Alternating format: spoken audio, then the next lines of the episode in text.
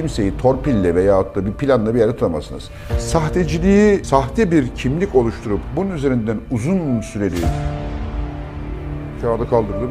Ki beyefendi böyle yapmadınız mı? Altında imzası falan filan. Kamera yaklaştı. Yapılan ödeme Doğuş İnşaat. Yani zaman zaman çok sert soruları soruyorsun.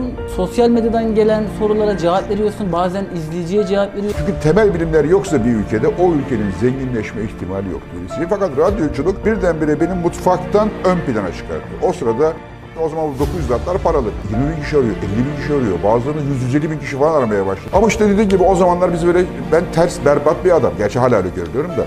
Tarihin arka odası zaman zaman tarihin yatak odasına dönüşmeye başladı. Çünkü saatler sürüyor. Programda Murat uyuyor.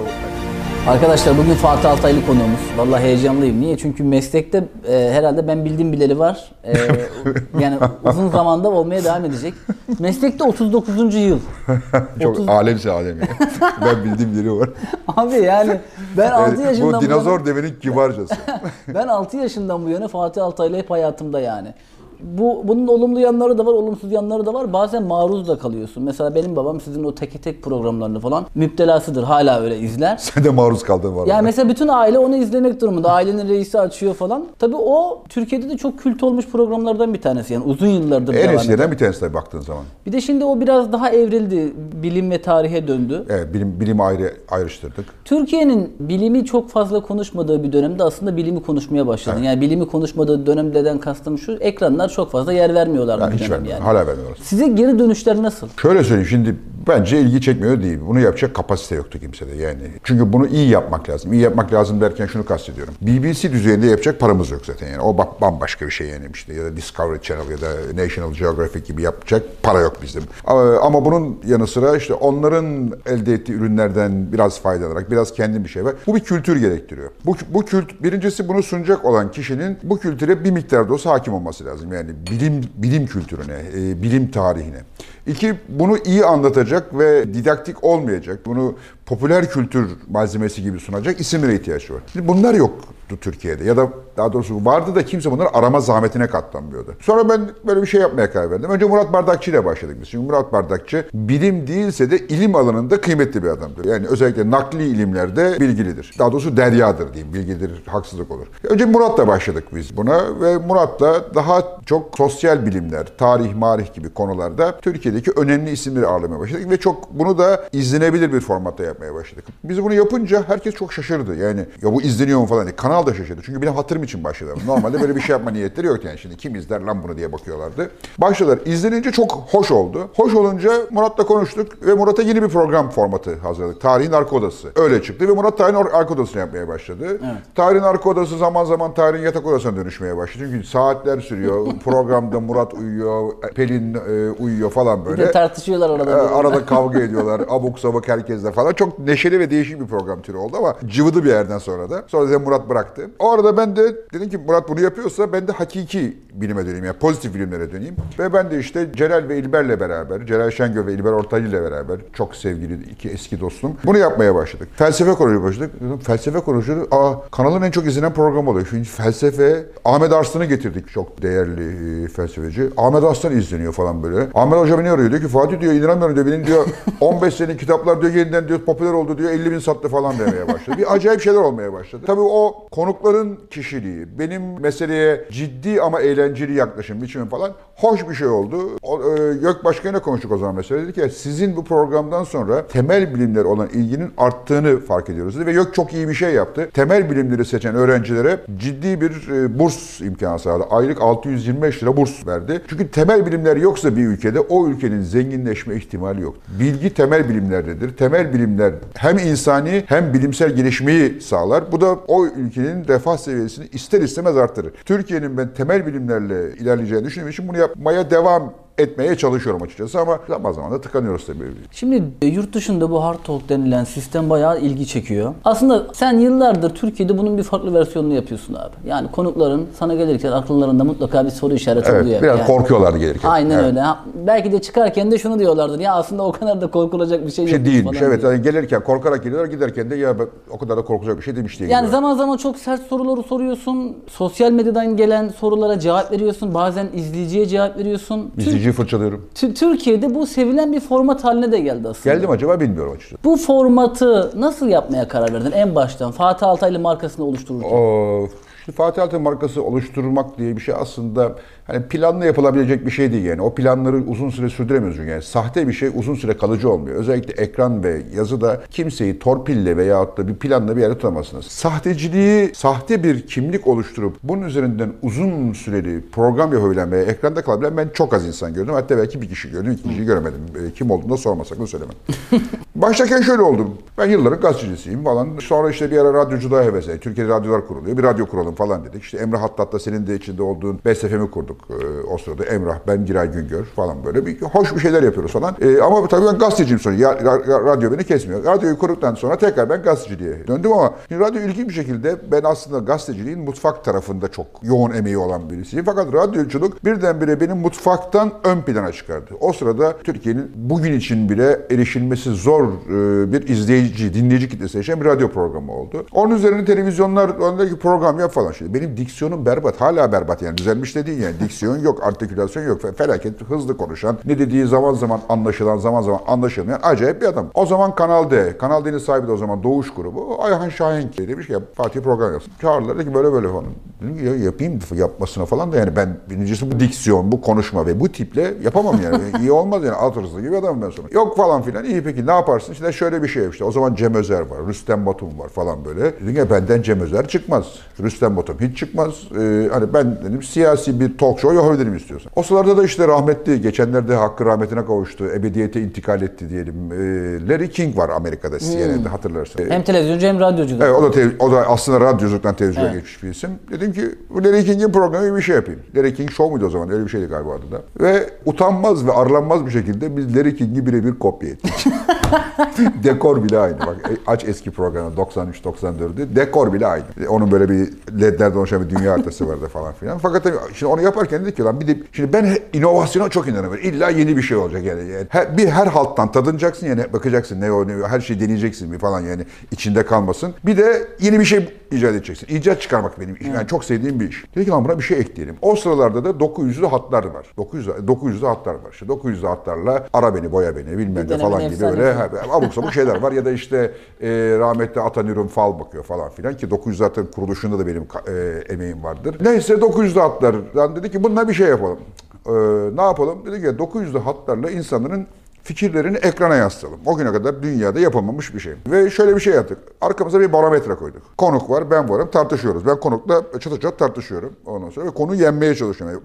Fikren ona galebe çalmaya çalışıyorum. Ve arkada da bir barometre var böyle. Tınk tınk tınk inip çıkıyor. Ee, gençler hatırlamaz ama ihtiyarların belki e, hatırası vardır. 900'larla oraya yazılıyorsunuz. Diyorsun ki Fatih Altaylı haklı. Bilmem işte konuk kimse. Atıyorum Deniz Anlık Baykal haklı. oylama aslında yani. Anlık. O barometre oynuyor şimdi. Biz de ben de görüyorum. Konuk da görüyor onu falan böyle. Herkes daha üste çıkmaya çalışıyor. Sürekli bir skor var orada.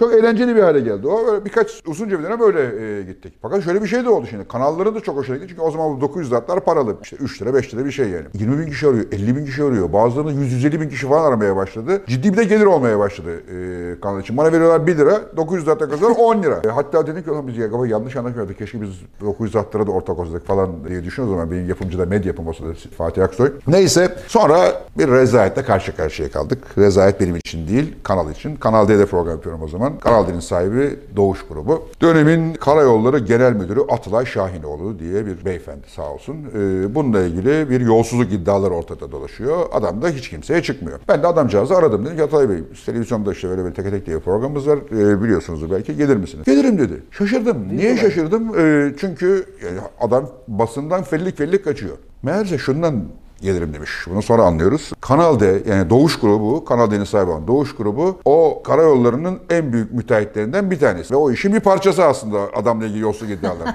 adam da bu yüzden demiş ki burada bana burada beni aklamaya çağırıyorlar. Gelmiş. Neyse adam geldi. Biz oturduk konuşuyoruz falan filan. İşte dedim ki adama şey yapmadım yolsuzluk. işte öyle bir haksız ödeme yok falan filan dedi. Ben de kağıdı kaldırdım. Dedim ki beyefendi böyle bunu yapmadınız mı? Altında imzası falan filan. Kamera yaklaştı. Yapılan ödeme Doğuş İnşaat. Tamam mı? Adamın böyle alnından terler akmaya başladı. Neyse program bitti abi. Adam perişan oldu. Program bitti. Kapıyı açtım. Kapının önünde, stüdyo kapısının önünde genel müdür, genel müdür yardımcısı, yönetim kurulu başkanı, bütün herkes orada. Rahmetli Ayhan Bey aradı beni. Dedi ki Fatih dedi, e, teşekkür ediyorum dedi bu program için dedi. Sen dedi programı yayından kaldırdık ama anlaşmamız var ki paranı alacaksın dedi. dedi ki Ayhan Bey sağ olun ben ayrılayım dedim. Böylelikle kovuldum Kanal D'den. Sağ olsun Erol Aksoy o zaman. O da şimdi kaçak yurt dışında. O arada dedi ki Show TV'nin kapısı açık. Show TV'ye gel dedim. Öyle Show TV'ye geçtik. Ama işte dediğim gibi o zamanlar biz böyle ben ters berbat bir adam. Gerçi hala öyle görülüyorum da. E, ulan ne pis herif bu falan diye bakıyorlardı. Kimse, bir süre sonra kimse gelmek istemez oldu yani. Ya gidiyoruz oraya perişan Bir oluyoruz. programcı açısından da en tehlikeli şey aslında. Çok tehlikeli. İnsanların gelmemek, gelmek yani, istememesi. Ya şimdi ben e, sonra bir süre sonra şuna dönüştü ama. O kadar cesurum ki teke teke bile çıkabiliyorum demek demek e, dönemi başladı ve bu sefer gelmeye başladılar falan böyle. İndi çıktı. E, tabii 30 sene olunca bir program neresi 30 sene yaklaştı neredeyse. E, 27 sene. İyi dönemleri oluyor, kötü dönemleri oluyor. Tabii eskiden bunu biz major kanallarda yani büyük kanallarda yapıyorduk. Ben bunu Kanal D'de yaptım. E, Show TV'de yaptım. Tekrar Kanal D'de yaptım. ATV'de yaptım. Başka nerede? Star'da asla Habertürk'te yapmadım. devam ediyor şu an. Şimdi işte sonra Habertürk devam ediyor. Yani bütün büyük kanallarda Star hariç e, hepsinde yaptım. Şimdi de haber kanalında e, yapıyorum. Dediğim gibi biraz kült ama eskisi kadar sert değil. Ama yeri geldiği zaman her şeyi söyleyebilen ve bugün baktığında da herkesin böyle çok korkak davrandığı yerde ben her şeyi söylüyorum yani aklıma geleni, ağzıma geleni sakınmadan söylüyorum. Kanal da bana bir yandan da tahammül ediyor belki. Köşende de aslında aynı cesareti gösteriyorsun. Bu her e, siyasi görüşten duruşlar için geçerli. Yani hem muhalefet partileri için çok sert eleştiriler hem de e, iktidar partisi için. Arka taraftan bir sertleşme oluyor. Mesela bir bakanla kavga ettiğin oluyor mu? Veya Yok hayır. Asla olmuyor. Yani özellikle AK Parti döneminde hiçbir bakanla falan kavga şu oluyor. Temas kesiliyor yani.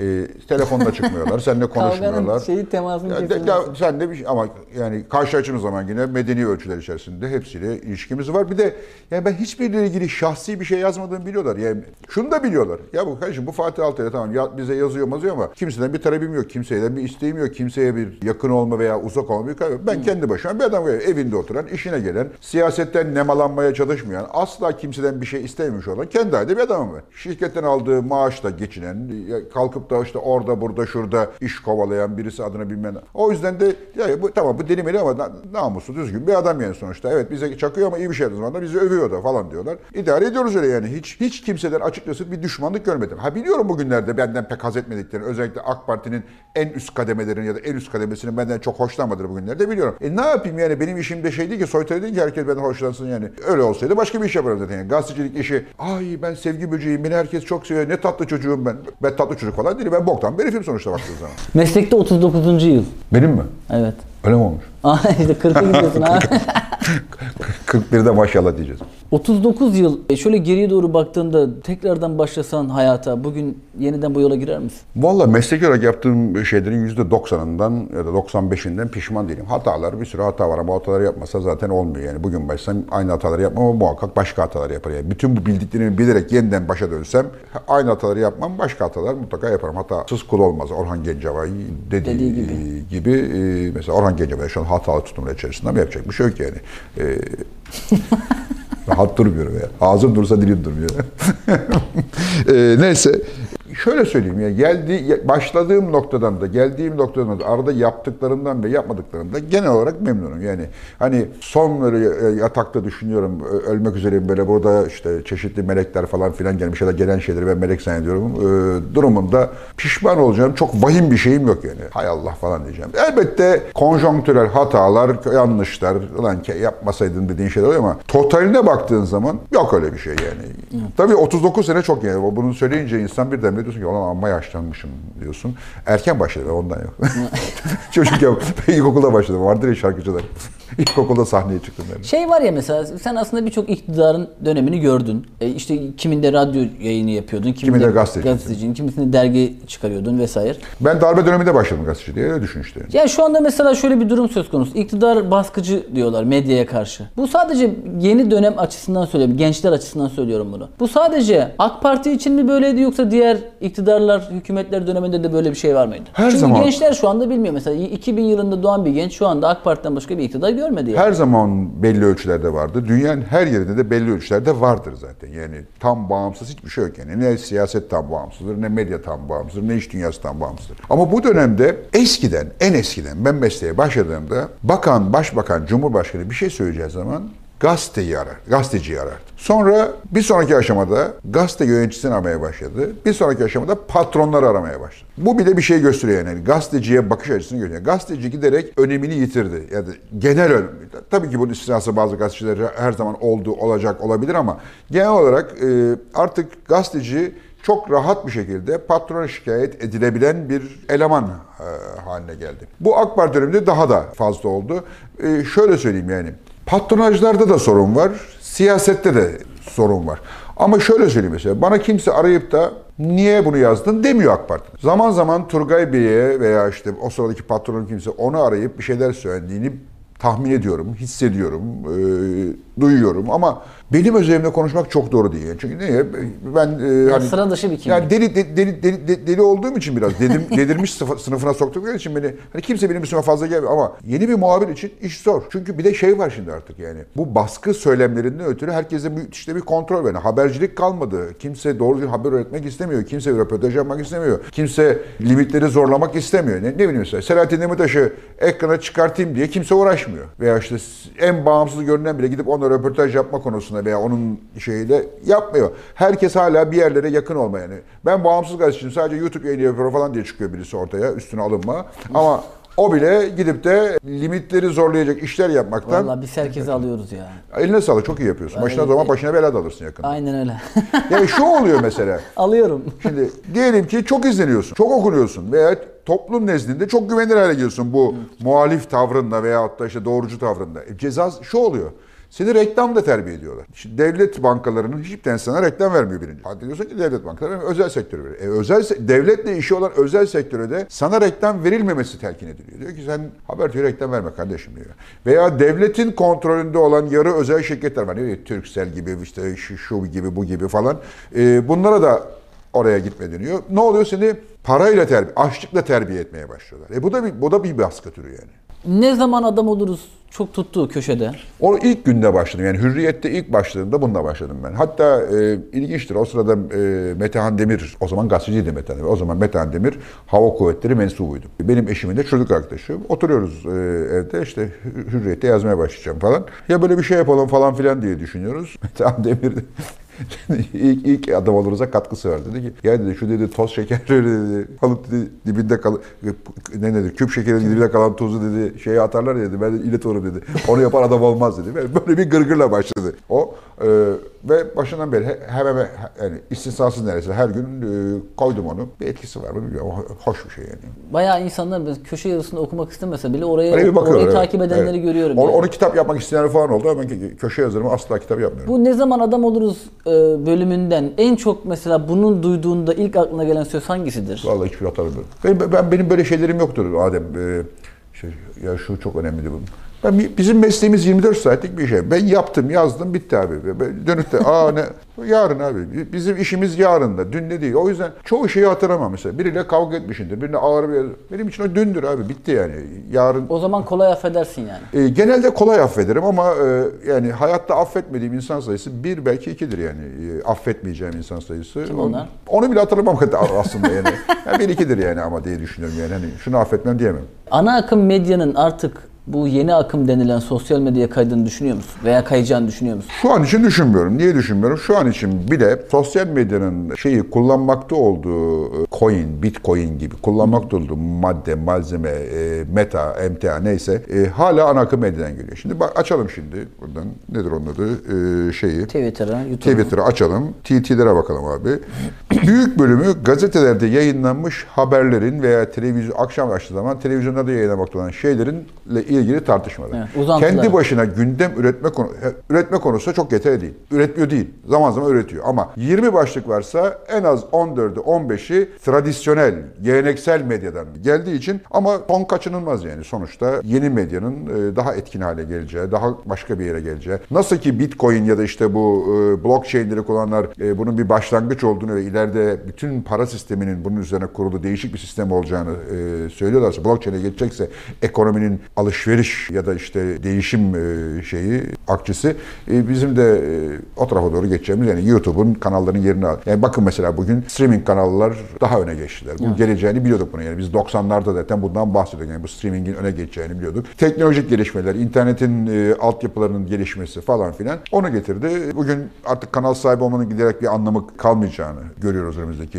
herhalde 10 sene içinde belki de 10 sene bile kalmayacak. Buna paralel olarak da işte gazetenin diğer dallarında da veya yayıncılığın o olacak yani. Çok ciddi konuşuyoruz zaten ya. Peki Fatih Altaylı'nın teknolojiyle ilgili arası nasıldır abi? Teknolojiyi kullanmakla ilgili adam çok iyi değil yani. Hani o Mesela Fatih Altaylı telefonunu ne zaman değişti? telefonum bozulduğu zaman değiştirdim ama genellikle kaybettiği zaman değiştiriyorum. Çünkü bozmaktan daha hızlı bir şey kaybediyorum veya kırıyorum. Çünkü bunlar bunu yapan şerefsizler ha- hangi şerefsizlerse o kadar nazik ve narin yapıyorlar ki yani olacak bir şey değil yani. Bunu, Aa, arabadan iniyorum mesela cebimden kayıp düşüyor gitti. Gitti 15 bin kağıt. Ondan sonra haydi taksitle yazsak şimdi. Pul parayı bir tane daha. Bozulduğu zaman değişiyor. Bozulmadı müddetçe. Ee, şimdi bu mesela iPhone 11 galiba. 2 sene oldu. Büyük iyi dayandı bana. Ama daha dayanır gibi duruyor. Ama mesela ha- hafiften cortlamaya başladı mesela. Bir şey geç geliyor falan böyle. İçinde resimler mi birikiyor ne yapıyor? Çünkü sürekli resim çekiyorum. Her şeyi çekiyorum yani. Niye çekiyorum ben de bilmiyorum. Bir de sende tabii yemek merakı da var. Yemek resmi pek çekmiyorum ya. Hayır hayır yani yemek merakı var. İşte şeyin yanında böyle işte aygazın yanında falan bırakırsın belki oradan yağ sıçrar falan filan. Aa yok bunu evde asla üzerine taşımıyorum. Evde girince bir yere atıyorum. Genellikle sesini de kapattığım Bir için. erkek için en kafa rahatlığı şey yani. Evde telefonu bırakabilmek. Aa, evet o iyi bir şey tabii erkek için. Çünkü genellikle erkekler evde özellikle karılara varken telefonu ters koyarlar ve sessiz alırlar. Doğru mu? Mesela benim telefonum böyle ortadadır. Her zaman ortadadır. Açık. Hatta bazen evde unuttuğun zaman bile işte Hande arıyor beni. Fatih telefon evde kalmış. De kalsın bir şey olmaz diyorum. Ee, telefonumdan bir kuşkum yok. Yani telefon telefon çok yuva yıktı yani. Bilgisayar, Mac görüyorum. Ben Mac'ciyim. Mac icat olduğundan beri Mac kullandım. Başka hiçbir bilgisayar kullanmadım. Müthiş bir öngörü ya. 1980 80'ler, 87, 88'de galiba böyle ilk Mac'lere. İlk e, şeyin de, ilk demeyeyim ama galiba ikincisi de Mac'ti böyle yuvarlak laptopları vardı Mac'in böyle e, abuk sabuk çok çirkin işte duruyor evde hala bazıları. Antika diye saklıyorum. Çöp ev olacak ev yakında. E, onu hep Mac kullandım. Mesela Mac'in bilgisayarı şahane. Telefonu iğrenç. Evet ya biraz önce sohbet ederken onu söyledin. Ben de telefonundan çok memnunum mesela. Ya şimdi... Belki kullanıcı alışkanlığı olabilir yani. Ya çok kullanma kolaylığı açısından muhteşem. Ama şimdi bakıyorsun yani fotoğraf. O Çinli telefonlar var. Huawei. Huawei ile bir şey daha var. Xiaomi mi? Xiaomi var. Xiaomi galiba. Onların mesela Oppo fotoğrafları çıktı daha şimdi. iyi. Op- Kim çıktı? Op- Oppo. Aa, Acun'un reklamında oynadı o mu? Evet evet Ha, o. geçen gördüm ben de Oppo ne diye düşündüm. O Acun var altında Oppo falan yazıyor. Dedim herhalde Acun yeni bir şey açıyor falan diye düşündüm. Ha o mu?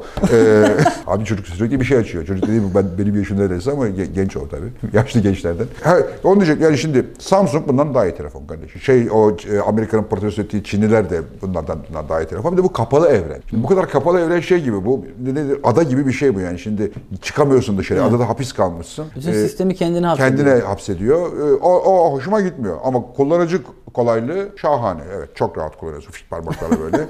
Parmak ağrıları oldu bende bir ara. Doktora gittim. Dedim ki, doktor dedim bana böyle bir şey vardı. Karpal tünel falan dedim. Baktı hayır dedi telefon bu dedi. Nasıl telefon dedi.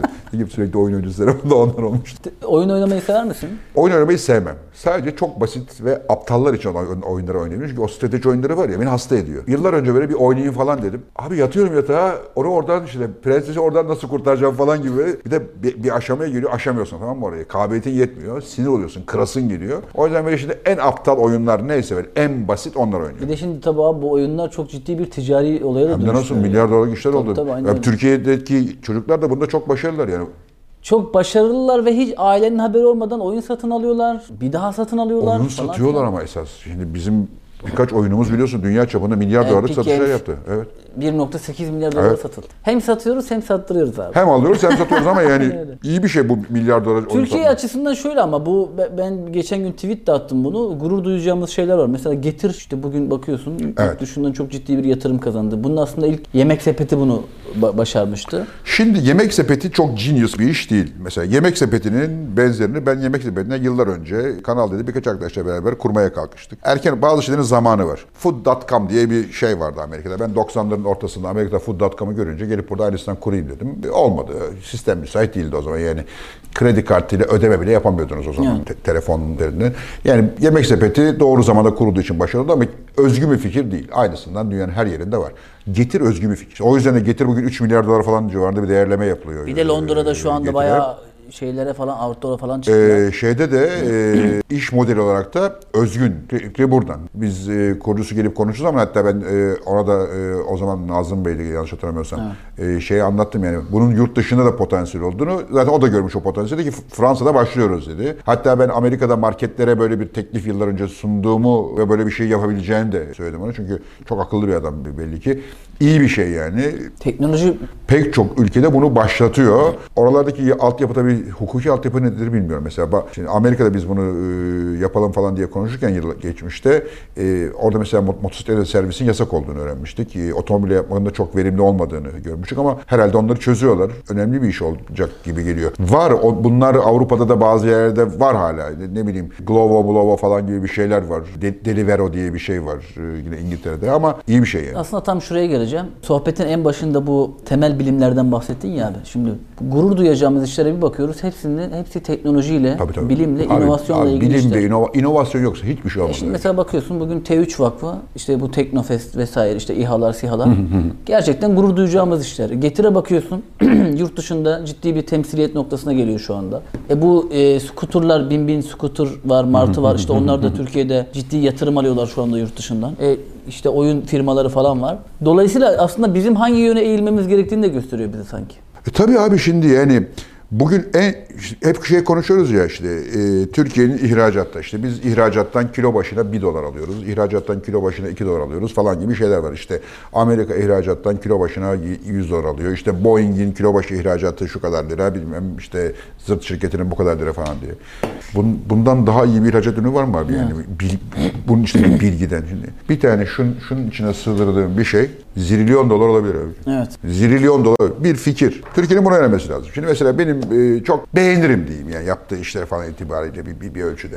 E, Yıldırım. Ya işte Binali Yıldırım bir gün çıkmış konuşuyor gençlere. Bu çok viral de oldu. İşte ya diyor siz bunu öğrenmenize gerek yok işte. Siz ya nasıl yok? Ya bir, birisi nasıl bir şey öğrenmeyin diyebilir ya? Ben yeni bir şey öğrenmediğim günü boşa geçmiş diyorum kardeşim. Yani bugün bir şey öğrenemezsem akşama kadar dün bilmediğim bir şeyi bugün öğrenmemişsem o gün çöptür. ya. Nasıl öğrenmesiniz olur denebilir. Abi öğrenebildiğin her şeyi öğreneceksin. Öğrenme kapasiteni sonuna kadar zorlayacaksın. Çünkü öğrenmeden, bilmeden hiçbir şey olmaz. Bilgiden daha kıymetli bir şey yok. Fatih Altaylı ve futbol tabi ayrılmaz ikili yani. Futbol demeyelim Galatasaray demek daha doğru olur belki. ya senin genel kurullardaki konuşmaların acayip ya. Ee, Son dönemde çok görmüyorum ama yani çok çok Çünkü efsane olan konuşmalar. Atıldım.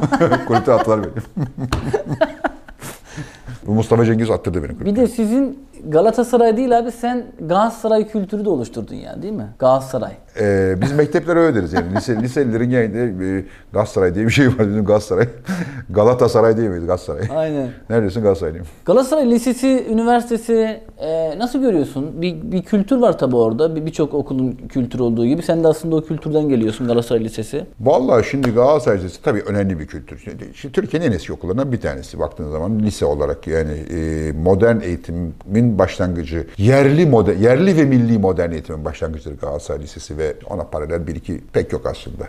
Galatasaray Lisesi bir numaradır evet. Lise olarak. Çünkü o sırada Galatasaray Lisesi benzeri okullar var Türkiye'de. Ama bunların tamam yabancıların. Amerikalı misyonerlerin, Fransızların, Fransız misyonerlerin, işte Katolik okulları, Protestan okulları falan böyle hepsinde belli, belli bir dini şey var ve Anadolu'yu bunlar sarmış vaziyette. Yani emperyalizm okullar vasıtasıyla Anadolu'yu sarmış vaziyette. Yani Tarsus'ta da, Harput'ta da bilmem nerede Amerikan okulları falan var. Galatasaray Lisesi eş, eş yaşta belki biraz önce falan. Galatasaray Lisesi bugün bazılarının işte Jacoben, Batı özentisi, yerli ve milli değil falan dediği o lise bu cahil cühela öküz tayfasının anlamadığı bir şekilde Türkiye'nin emperyalizmin yayılma politikalarına vermiş olduğu milli eğitim cevabı. Bunu kuran, Abdülaziz zamanı galiba ben hatırlamıyorsam, bunu kuran irade emperyalizme karşı kültürel mücadelenin iradesidir. Türkiye'de aydın yetiştirmenin okullarından biridir Galatasaray ve bu amaçla kurulmuş. Yerli ve milli aydın yetiştirmek için. Ve bağımsız düşüncenin gelişmesinde de önemli bir yeri vardır. Tevfik Fikret'le özdeşleştirilir ama Tevfik Fikret'le özdeşleştirmek bence doğru değildir. Çok önemli isimler Tevfik var ya. Fikret'i yetiştiren okuldur o. Yani Tevfik Fikret Galatasaray'ı var etmemiştir. Galatasaray Lisesi Tevfik Fikret'i var etmiştir. Bu açıdan çok kıymetli bir okul. Tabii ki bu okuldan binlerce insan çıkıyor. Yani her sene benim bildiğim 200 civarında mezunu var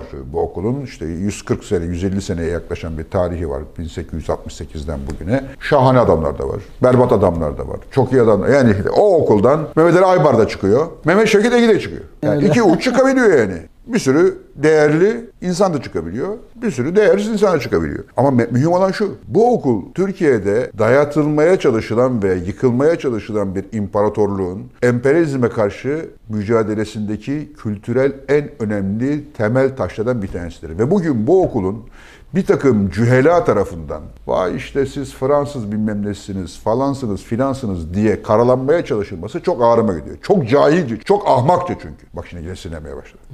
Ama beni ahmaklık kadar sinirlen bir şey yok. Cehalet kadar üzen bir şey. O yüzden bu okullara sayıları da çok değil. Sahip çıkılması gerekirken bunların karalanması çok üzüntü vericidir. Çok hicap vericidir. Lig Ben okulun bir mezunlarından bir tanesiyim. şöhret olmayı başarmış. Adam olmayı başarmış mı bilmiyorum ama en azından şöhret olmayı, bir şeyler yapmayı başarmış. Ee, okulu da bir anlamda mecburen o yüzden temsil edenlerinden bir tanesi ama e, okuldan gerçekten çok değerli insanlar çıkıyor. Şimdi, ne Daran, Daran Acemoğlu da okuldan e, mezun. çok var ya. Ben geçen listeye baktım. Yüzlerce Türkiye'nin tanıdığı, bildiği önemli isim var Evet, ya. var. Bu, bu kıymetli bir şey yani. Evet. Hatta bizim tanıdığımız oradan mezun olmadığını bildiğimiz birçok isim de var yani. Hani sonradan aa o da mı Orada oradan oradan. mezunmuş Ama şey de var diyorlar. mesela oradan mezun olmadı dedi oradan mezunmuş gibi zannedenler de var. Mesela Hıncı Oluş falan gibi. Bu sene şampiyonluk için var mı bir favori? Beşiktaş görünüyor şimdi. Galatasaray'ı nasıl buluyorsun? Galatasaray'ın çok kötü yönetildiğini görüyorum. Çok kötü. Teknik Ee, anlamda mı yoksa başkanlık anlamda Her anlamda, her anlamda ama özellikle yönetim e, yani e, yönetim kurulu anlamında son derece e, vasıfsız. Ya ben şeyi sevmiyorum. Hiçbir şey yapmamak ve laf ebeliği üzerine kurulu bir yönetim anlayışı. Yani o Mustafa Cengiz her konuştuğunda açıkçası ben bir Galatasaray olarak utanç duyuyorum. Yani o o o üslup, o konuşma tarzı Galatasaray değil. Galatasaray temsil edemez yani. Etmemeli. Çünkü biz Başka olarak Ali Urasları gördük, Alp Yamanları gördük, Özcan Can Aydınları gördük, Faruk Sürenleri gördük. Şimdi oradan buraya geçiş ama bu bir dekadans. Yani Türkiye'nin dekadansıyla, Türkiye'nin seviye kaybıyla belki paralel gidiyor e, bir şey ama yine de Galatasaray'da olması gerekir diye düşünüyorum ama bazı şeylere mani olamıyorsunuz. E, en azından dönemsel olarak mani olamıyorsunuz. Emre Belezoğlu e, Fenerbahçe'nin teknik direktörü oldu. Evet hayırlı uğurlu olsun. Allah affetsin. bir yorum gelir mi mesela sana? Ümit Özat diyorum. Şimdi Fenerbahçe'de şunu söyleyeyim. Emre Belözoğlu'nun getirilmesi doğru bir karardı. Bununla ilgili hiçbir itirazım yok. Ancak itirazım şuna. Fenerbahçe yönetimi aylardan beri ta kendilerinin, takımlarının ve yönetimlerinin mükemmel olduğunu, sorunun hakemlerde ve VAR'da olduğunu, bu yüzden başarılı olamadıklarını, düzgün hakemler ve düzgün bir VAR'la aslında Fenerbahçe'nin çok başarılı olduğunu söylüyorlardı. Peki o zaman niye Ümit şeyi görevden aldınız? Ee, Erol Bulut'u? Erol Bulut. Başa, sorun o değil ki sorun hakemlermiş. Hakemleri görevden. Başarılı olduğunu söylediğiniz ve biz çok iyiyiz, süperiz ama ah bu hakemler dediğiniz bir ortamda niye hakemlerin faturasını Erol Bulut'a kestiniz? Soru işareti bir bu. İki, FETÖ, FETÖ, FETÖ, FETÖ, FETÖ, FETÖ. Fenerbahçe yıllardan beri FETÖ deyip duruyor. Tamam peki. Herkesin ayıbı kendine. Galatasaray'ın e, bir dönem futbolcuların FETÖ'cülük e, işi içinde olanlarını şey savunacak halim yok. Ama Ümit Özat dediğim o. Her kulübe yayılmıştı bunlar. Türkiye'nin her yerine yayıldıkları gibi. Fenerbahçe'nin şike meselesi. O şike davası. İşte bize FETÖ'nün sızma planı. Kardeşim niye FETÖ'nün size sızma planı?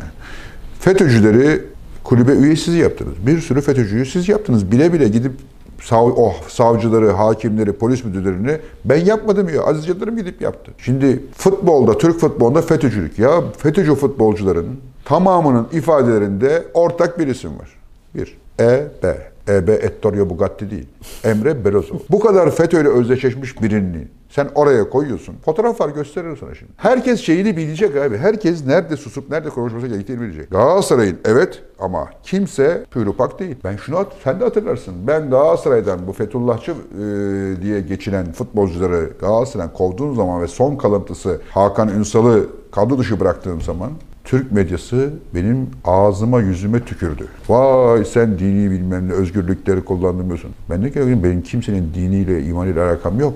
Ama bunu girsin odasında sabahtan akşama dua etsin ama oraya benim getirdiğim ailesinden alıp getirdiğim ve sorumlusu olduğum çocukları ya bu tarikata girersin ya da takıma bile giremezsin diye baskı altına almaya benim itirazım vardı. Sizin öyle bir yatakhane dağıtma şeyi vardı değil mi? Yat- yatakhane. Evet ben Galatasaray'da bu organizasyonu bozdum. Bozduğum için de zaman gazetesi bana demediğini bırakmadı o zaman. E, o zaman Beşiktaş şampiyonlukta emin adım. Bu daha daha daha iyi görünüyor Beşiktaş şampiyonluk yolunda. Niye dersen camiasıyla e, iyi geçinen ve arkasında duran bir teknik direktörü, iyi giden, polemiklerden uzak duran bir e, yönetim var. Galatasaray kötü yönetiliyor. Fatih Terim son derece dekonsantre artık teknik direktörlüğün üzerinde bir noktaya geçmesi lazım onun Galatasaray'a. Ben bunu uzun zamandır da e, söylüyorum. O yüzden Beşiktaş'ı daha yakın görüyorum ama hala şey olabilir. Acun Ilıcalı bir gün Fenerbahçe'nin başkanı olur mu sizce? Böyle bir şey görüyor musun? Ben ben artık Ali Ali Koç'tan başka birinin Fenerbahçe başkanı olabileceğini düşünemiyorum açıkçası. Neden? Yani Fenerbahçe'nin içinde bulunduğu pozisyon itibariyle orası e, herkesin kolay kolay soyunabileceği bir görev olmaktan çıktı gibi geliyor bana. Yani Ali Koç ben Fenerbahçe başkanı olmak istiyorum dediği sürece bence artık Fenerbahçe başkanı. Ha Ali Koç diyebilir ki ya ben bırakıyorum ama Acun geçsin derse Acun olabilir tabii. E, müzik dinlersin sen. Evet. Ne dinlersin abi? Ee, Seni ne rahatlatır yani? Mesela ben senin bir türkü dinleyeceğini falan düşünemiyorum yani. ya türkü severim aslında. Niye öyle bir algı var bende bilmiyorum. Şimdi türkü severim de hani çok dinler misin dersen dinlemem. Çünkü sayılıdır sevdiğin türküleri ama hani duyduğum yani mesela türkü bende şöyle bir şey. Böyle yağmurlu bir hava. Loş, ışıklar sönük, cama vuran yağmur sesleri, üstüme böyle hafif üşüyerek üstüme bir pike çekmişim ve arkada yurttan sesler Türk halk müziği korosu, Korosu. çalıyor. Hoşuma giden bir hissiyattır o yani böyle çocukluğumu hatırlarım yani eskiden radyo falan açıkken evde. Ama oturup da keyif için türkü pek ender dinlerim. Dinlemem demeyeyim, pek ender dinlerim. Ama türkülerin sözlerine hastayım. Yani gerçekten çok müthiş sözler var e, türkülerde. Beni türküde rahatsız eden şu. Saz ses. Niye saz ses? Ya 1, 3, 5, 20 tane enstrümanın aynı anda zıngır zıngırda zıngır zıngırda çalması beni illet ediyor. Yani bir taneyle zaten aynı ses çıkıyor. Niye 50 tanesini de zıngırdatıyorsunuz? Yani, yani bu bir çok sessizlik vermiyor, bir keyif vermiyor. Hadi iki tane olsun çok istiyorsanız 20 tanesi bile aynı adam böyle hıngır hıngır hıngır hıngır başladı bu bana bir ferahlık geliyor. Ee, o yüzden ben türküyü böyle daha basit bir tek bir sazla e, belki yanında işte bir iki e, a- e, müzik aleti daha e, daha akustik tarzda seviyorum yani. Özellikle bu elektro saz falan filan beni delirtiyor. Ama türkü severim. Hastası mıyım? Değilim. Bazı türküleri. Abi şimdi Neşet Ertaş'la duygulanmamak mümkün mü abi? Şimdi Neşet Ertaş'ı sevmek mümkün mü? Yani adamı döverler. Neşet Ertaş'ı al götür Amerika'ya orada da mühim adam. Al götür Çin'e orada da mühim adam. Yani bunda hiçbir itirazım yok. Direkt kalbe. Yani kalbe de değil abi. Böbrek, bağırsak, ciğer her tarafa dalıyor adam. Tamam böyle. Sokuyor, sokuyor, çeviriyor uçağı. Ama evde oturup da saatlerce türkü dinleyeyim mi? Yine bazı aklıma gelir mesela hemen şeyden bulurum, telefondan bulurum, hemen bağlarım falan. Bir türkü din çakarım mesela da. bir Hoşuma gelen bir türkü veya iki türkü. Ama sabah akşam türkü dinlemem. ben okey. Evde genellikle dinlediğim benim şeydir yani klasik müzik dinlerim. Keman dinlerim daha çok. Yani keman, keman ve işte yaylı sazları e, severim. Arya çok severim. Ben Pavarotti'nin hastasıyım tamam mı? Niye, niye bilmiyorum yani. Dünyadaki en iyi ses midir? Bence değildir belki ama o İtalyanca şarkıları onun kadar duygusunu vererek söyleyen başka birisi galiba uzun zamandır e, yok. Ölümüne de hakikaten çok üzüldüm. Mesela Maria Callas çok severim. Mesela orkestrasyonu eskileri severim mesela. Furtwängler'i severim falan yani. O, o dönemki orkestrasyon anlayışı bana daha çok hitap eder. Aslında buradan bayağı bir şey görüyorum. Bayağı çeşni var yani. Güzel bir Yani çeşni var. klasik müzik çok severim ama herhalde Türkiye'deki rock külliyatları arasında yani bendeki kadar rock plağı belki TRT'de vardır bir de yani. Yani, e, Çünkü gençliğimde bavul bavul İngiltere'den plak getir. Şu anda eskiden dinliyor muyum? Dinlemiyorum. Niye? Çünkü eşimle müzik zevklerimiz taban tabana zıt. Ben neyi seviyorsam o onu sevmiyor. ben neyi sevmiyorsam o onu seviyor. O yüzden bir türlü e, mesela ben evde rahat müzik dinlemem. E, Hande'nin dışarıda olduğu saate de Allah tarafından kızımla müzik zevkimiz çok oturuyor. Yani genetik herhalde. Biz kızımla daha bir başka tarafız. E, Hande başka bir taraf. İkiye tek. İkiye tek ama tabii o kazanan tek o yani. Ga- ga- Galibiyet orada Şey, yani. film ne izlersin abi? Film ne izlerim? Şimdi burada da mesela Hande'yle biz hiç anlaşamıyoruz. Çünkü Hande benim e, film izlememden nefret ediyor ve kulaklıkla izlememi e, tavsiye ediyor. Çünkü bana göre bir filmin ilk 5 dakikasında 5 kişi ölmemişse ve 10 araba parçalanmamışsa o film film değildir abi. Vallahi o konuda seninle aynı E, fikir. yani film abi, Şimdi bir Aksiyon. kere ben, ben şunu izlemem abi. Üzücü film izlemem. Dram izlemem. Hayatta zaten bir araba dram var. Üzüleceğimiz bir milyon tane şey var. Sokakta yürürken bile gördüğün 10 şeye üzülüyorsun. Bir de eve gideceğim, film açacağım veya sinemaya gideceğim, film e, izleyeceğim. Kadın kanser oluyor, adam felaketler içerisinde sürünüyor. Açlık, bir ilaçlık, perişanlık. Abi niye ben kendimi üzeyim? Ben bir de ağlarım tamam mı şimdi? Ve karım bana diyor sen filmlerde e, ağlarım tabii abi şimdi. Bu varsa ben ağlarım kardeşim. Niye, niye ağlayacağım bir şeyi seyredeyim ben? Delirdim mi? Çılgın mıyım? Abi neşeli şeyler seyrederim abi. Kakara kikiri olsun, aksiyon olsun, o onu vursun, o damdan uçsun falan. Şimdi görevimiz dedik abi şahane film. Şahane film abi. Hiçbir olur biter tarafı yok yani. Şu an James Bond ölürüm. Uçaklar, o, uçaklar. Şey nedir o hı- hı- hızlı bilmem ne falan. ve öfkeli. Ha hızlı. Abi şahane filmler abi. Yani seyret seyret doyamıyorum. Aa, bunun yanı sıra bir takım sanatsal filmleri seyrediyor muyum? Evet bazıları seyrediyorum. Bazen de uyuyakalıyorum. Hande bana diyor ki sen bu film işinden ya bana Muson Yağmur diye film seyrettirirsen ben tabii ki uyurum kardeşim. Ya yağmur yağarken uyunur abi. Muson Yağmur'da uyu. Ben uyurum abi. Ya Dürtüyorum. Uyan. Ne oldu diyorum hadi bir şey mi oldu? Filmi kaçırıyorsun. Ya kaçırırsın, o filmi kaçırsam ne olur, yakalasam ne olur? Bana ne abi? Muson yağmuruymuş. Yağmur yağıyor falan ya. E, yo, Muson düğünü pardon. Muson düğünü. Ama arada iyi sanat filmleri oluyor mu? Oluyor. Onlara seyrediyoruz. E, Mesela dersi Uzala sanat filmleri demiyorum. Ran falan böyle. O Japon mafon. Severim. Ya içimi kıyan filmleri sevmiyorum. Hacım. İçim zaten benim yeterince kıyılmış. Şuradan ajansı açıyorum zaten içim kıyılıyor. Her biri 10 film orada yani. Tabii pandemiden dolayı yurt dışına da gidilemiyor. Senin Maalesef. boğalar Benim boğalar semirmişlerdir çünkü yaz, millet bir araya da gelemiyor. Ee, geçen sene uzun yıllar sonra ilk defa gidemedim boğa güreşine. Benim boğalar çiftlikte... 2019'da Evet. gittiğini biliyorum abi. Evet. 2017'de, 18'de her sene gidiyor. Her sene en son Atatürk'e 2019'da gittin galiba. Evet, evet. Bir de sen oradan dönerken alışveriş yapmayı da seviyorsun benim anladığım kadarıyla. Gıda Böyle, malzemesi alıyorum. böyle kültürel şeyler falan alır mısın? Kültürel şey. Yani tarih, sanat, portre. Yani bir- tablo mablo falan filan bir ender olarak belki alırım ama yani ben mesela oralarda bit pazarına geziyorum. Eskici eskicilerden bir şey Peynir, alıyorum. Ha? Onlara da alıyorum yani şimdi peynirdi, işte ördekti, kazdı bilmem ne. Kazdı almam da ördek mördek falan filan yani ya da işte yöresel ürünler diyebileceğimiz işte ne bileyim beyaz kuş konmaz mevsimi ise eğer falan muhakkak alırım yani. Çünkü eve getiriyorum onları, evde yemek yapıyorum onlarla. Hoşuma da gidiyor. Bunun yanı sıra böyle bit pazarlarını gezerim işte. Atıyorum 10 bin dolarlık bir şeyi orada 100 dolara alabildiğin oluyor zaman zaman. Pazarlık mazarlık falan filan. Ya bardak taşıdım. Yani bavul, bavul bavul bardak taşıdım. Niye? Çünkü bilmem kaç paralık bir bardağı oradan bilmem kaç liraya bir bardak takanı bulabiliyorsun. Öyle manyaklıklarım var yani. Tabii insanlar buna delilik gözüyle bakıyor bazıları. Bazıları da bunu bir zevk olarak Ama algılıyor. bence bence hayatın tadı böyle bir şey aslında ya. Ben ben ben de seviyorum. Şart da değil yani. Niye şart da değil? Şimdi bana göre budur, başkasına göre başka bir şey. Yani bir, birisi benim gibi gider manyak gibi bardak bardak taşır oradan buraya. Birisi gider işte Kiev'e, Moskova'ya başka bir şeyler yapmaktan Sadece kahve içer gelir. Ya, ya kimisi kahve içer, kimisi başka şeyler yapar. Türkiye'de en sevdiğin şehir neresi? Türkiye'de en sevdiğim şehir İstanbul abi. Yani e, İstanbul olmaktan son derece memnunum. Hatta işte bazı diyor işte kaçıp gidesim geliyor. Ege'de bir sahil kasabası. Yani manyak mıyım? Ne işe var Ege'de sahil kasabası? Sıkıntıdan patlarım Ege'de sahil kasabası. Git sabah akşama bak ne o deniz işte Ahmet amca elde file pazar. Aa işte Enginar Festivali nar bilmem nesi. Hiç bana göre değil. Ben İstanbul'da yaşamaktan son derece memnunum. E, bu kalabalık, bu keşmekeş falan benim çok hoşuma gidiyor. Çünkü İstanbul'un sınırlı bir keşmekeşi var. Mesela New York'ta yaşayamam. New York çok keşmekeş. Veya Tokyo iğrenç bir. Hani nerede yaşamazsın? Tokyo'da Bir de yaşamam. çok fazla kalabalık oralar ya. Merkezi Burada kalabalık. mesela e, işte şey zaten İstanbul tamamında kullanmıyoruz. Herkes İstanbul'un belli bölgelerini kullanıyor. Ben de kendi yaşadığım bölgelerden genel olarak memnunum. E, seviyorum da. Yemekleri güzel, insanları iyi. E, ya şimdi şöyle bir şey aslında. Şehirden daha önemli olan şehirde yaşayan. Şimdi diyeceksin ki İstanbul'da yaşayanlar şahane. Hayır İstanbul'da yaşayanlar şahane ve hiçbir yaşayanlar şahane. Abi benim arkadaşlarım İstanbul. Benim bütün dostlarım, sevdiğim, beraber olmaktan keyif aldığım herkes İstanbul'da. Şimdi ben buradan telefonu açıp ya Faruk hadi gel bilmem nerede bir öğle yemeği yiyelim diyebilirim. Şimdi ben New York'ta olsam bunu diyemeyeceğim. Veya başka bir yerde olsam diyemeyeceğim. Ege sahil kasabası olsam diyemeyeceğim. Ne gerek var abi?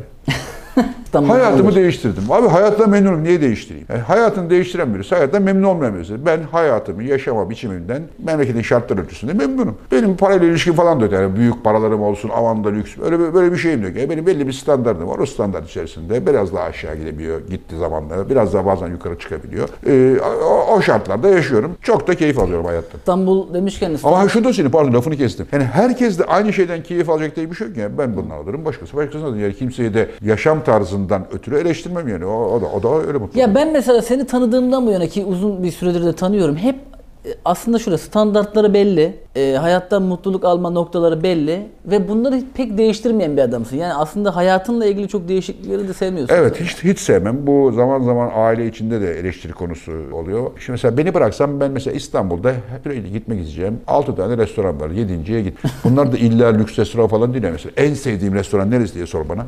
Neresi? Bravo sordu işte. Bekleden soru buydu.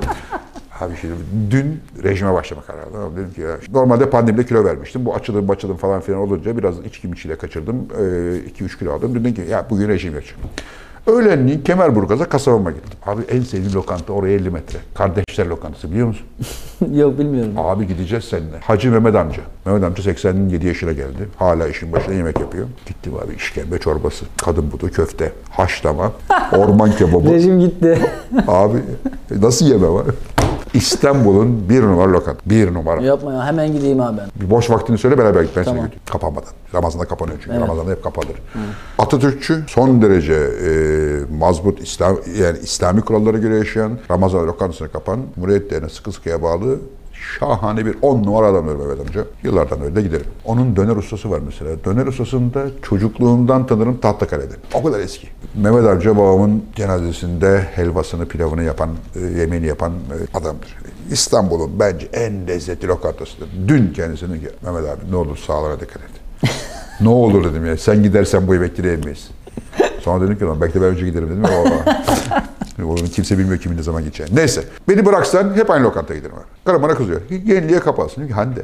Yeniliğe kapalı değilim ama restoran konusunda veya özellikle bu gibi şeyler konusunda abi bir standardım var. Niye şimdi? Yıllar önce bir karar aldım. Ben hesap yaptım. Dedim ki işte doktorlar şunu yeme bunu yeme deyinceye kadar aklım başımdayken dilim hala tat alıyorken 3000-3500 öğün arası yemeğim var. Çok değil bu. Abi kötü bir şey yemeyeceğim. E şimdi bu kadar az kalmışken yiyeceğim öğün sayısı kendimi riske atıp da kötü bir şeyleri tatmak istemiyorum. Yani bildiğimden ayrılmamaya çalışıyorum genellikle. Ha müthiş tavsiye edilen ve çok güvendiğim birisinin söylediği bir olsa tabii giderim ama aa şuraya tatlısı da açılmış bir deneyelim. Abi ben denemeyeyim abi. Başkası denesin. Şimdi açılmış da ne açmış bilmiyoruz ki. Çünkü Türkiye'de böyle bir sürü abuk sabuk işte yeni mutfak işte Türk füzyonu falan diye abuk sabuk şey yapanlar da var. Ee, o yüzden riske girmiyorum. Gideceğim. Garson beni tanıyacak. Abi, en önemli şey bak.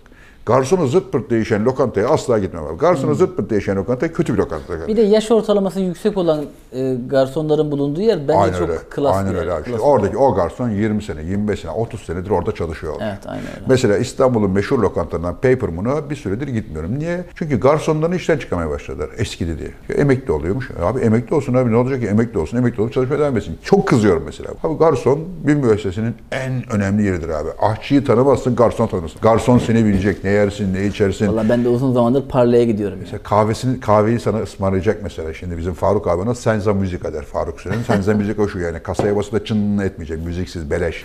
Yani öyle.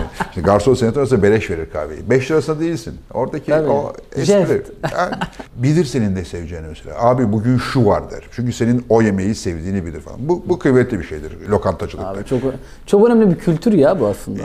Ve bunun illa bir lüks lokanta mesela şeye geçildi. Bahsetmiyor kardeş yok. Kardeş lokantasındaki benim en yakın dostum Ertan. Ertan kim abi? Ertan bazen garsonluk yapan, bazen ender olarak döner kesen, bazen yemeği koyan, buranın şef garsonu kıvamına gelmiş genç bir kardeşim benim. Ertan beni arar abi. Yarın bilmem ne yaptık muhakkak uğra. Çünkü biliyor sevdiğimi tamam mı? Veya Çok ben mesela bazen ararım Ertan derim ya yarın işkembe var mı? Yok abi bir işkembe attırsana derim mesela. Veya derim ki ya işkembe yapmak bu yarına bir paça yapsanız derim. Abi dur bakayım iyi paça bulursam sana haber veririm der. Paça yapar pa- ben paça yemeye giderim. Şimdi bunlar önemli şeyler abi. Şimdi hayatta tat bunlar.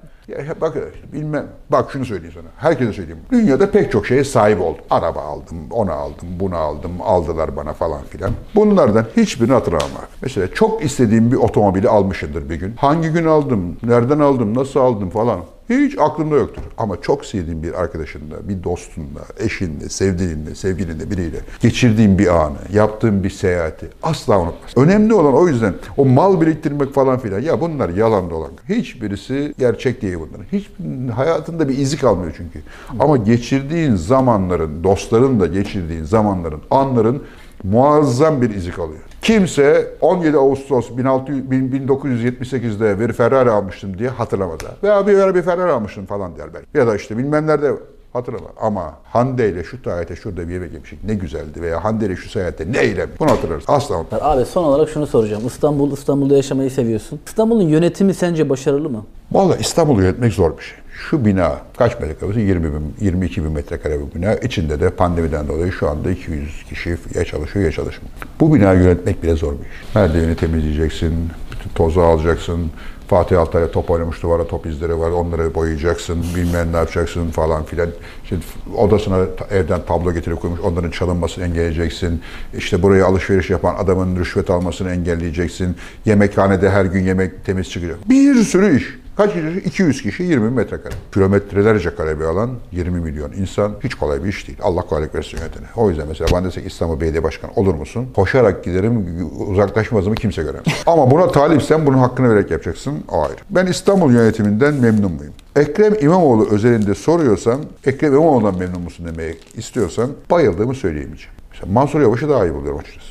Daha güvenilir buluyorum diyeyim daha doğrusu. Daha iyi buluyorum lafı pek doğru değil. Çünkü Ankara'da yaşamıyorum diye bir şey söylemem mümkün değil Ankara ile ilgili ama Mansur Yavaş'ı daha güvenilir, daha kendime yakın hissediyorum mesela. Ekrem İmamoğlu'nda bende o his yok. Hani yolsuzluk mu oldu? Olmuşsa da olmuştur, olmamışsa olmuştur. Vardır diyemem, yok da bilmiyorum çünkü. Ama tarzım bulmuyorum doğrusunu istersen. Bir de şey ya yani ben şeye karşıyımdır.